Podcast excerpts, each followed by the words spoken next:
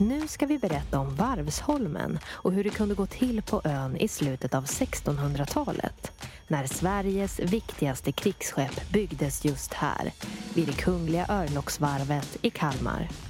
Inläsare är Johanna Dahlbäck.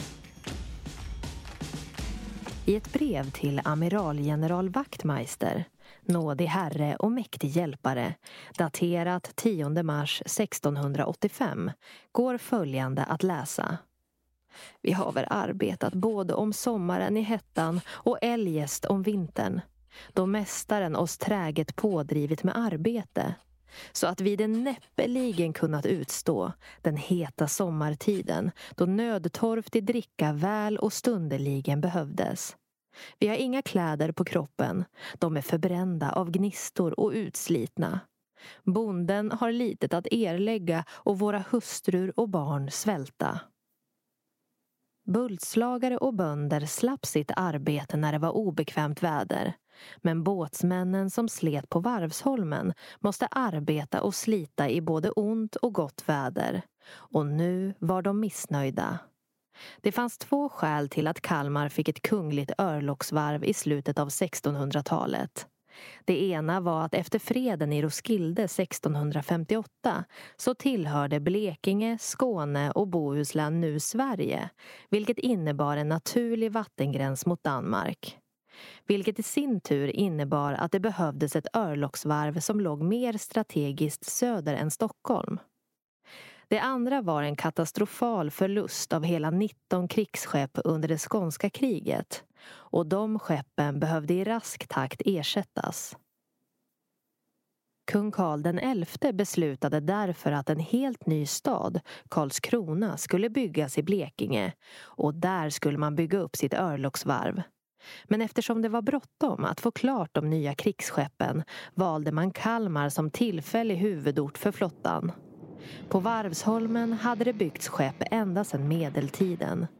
Smeknamnet Knarrholmen kom från knarr från en skeppstyp som under vikingatiden användes för handelsresor över havet.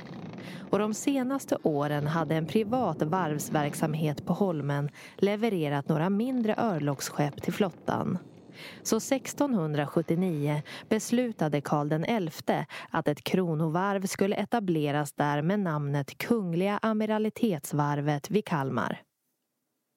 Som chef för varvet tillsattes Anders Homan, en man med inte bara stor erfarenhet som befäl på krigsfartyg utan även en av de få överlevande från regalskeppet Svärdet som också gick under då regalskeppet Kronan under stor dramatik sjönk utanför Öland några år tidigare. Skeppsbyggsmästare blev Gunnar Olofsson Roth, en man med udda bakgrund.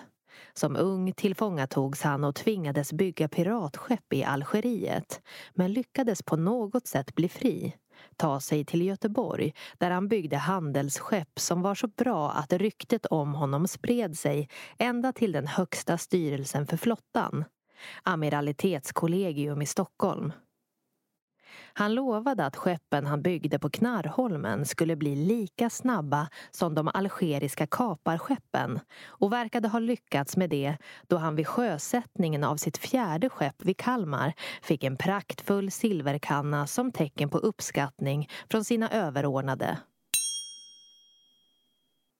På Varvsholmen fanns tre stapelbäddar för kölsträckning av stora skepp. På Laboratorieholmen bredvid byggdes de mindre. Här fanns kontor och bodar för smide, segelmakeri och materialförvaring. I undervåningen på ett av husen på Laboratorieholmen fanns också en predikosal där varvsfolket beordrades att lyssna på Guds ord vid bestämda tider. För att bygga ett enda stort skepp gick det åt tusen ekar. På bara några år hann man fälla över 15 000 ekar runt Kalmar och på Öland blev skogarna nära nog skövlade. Manskapet då? Vilka skulle bygga alla dessa skepp? Jo, över tusen män och deras familjer rekryterades från runt om i hela landet. Från Stockholm och Gotland till Västergötland och till och med Österbotten i Finland. Men det var inget lätt arbete som väntade ute på Knarröarna. Dessutom fick de anställda leva med en ständig oro för om lönen verkligen skulle bli utbetald. Efter alla krig var kronans finanser minst sagt dåliga och till och med skeppsbyggsmästaren fick skriva flera gånger till sin överordnade och klaga på utebliven lön. Tänk då hur det var för de betydligt lägre ner i hierarkin. Att fly från arbetet var belagt med straff. På broarna från holmarna in mot fastlandet hindrade en vaktstyrka de utslitna arbetarna från att ge sig av. De som tillfångatogs hämtades tillbaka till arbetet och fick fortsätta slitet men denna gång med en järnring kring halsen för att förhindra dem från att försöka fly igen. Ändå vågade de missnöjda arbetarna skriva till Stockholm och beklaga sig över arbetsförhållandena. Så hur gick det då för de frusna och fattiga skeppsarbetarna 1685? Jo, överheten lyssnade. Och lagom till vintern fick de ny rock, byxor, skor och underkläder. Men lönen, den förblev densamma. Under århundradena har båtbyggandet på Varvsholmen fortsatt. Först efter att Kalmar varv lades ner 1980 blev det tyst på ön. Men strax innan millennieskiftet började saker hända igen. Nu var det inte längre båtar som byggdes, utan hus. Under 2000-talets första år växte en helt ny stadsdel fram med bostäder och kontorslokaler. Livet och företagandet har återvänt. Nu arbetas det för fullt på Varvsholmen igen, men i nyskapande branscher som ingen hade kunnat föreställa sig på amiralgeneral Wachtmeisters tid.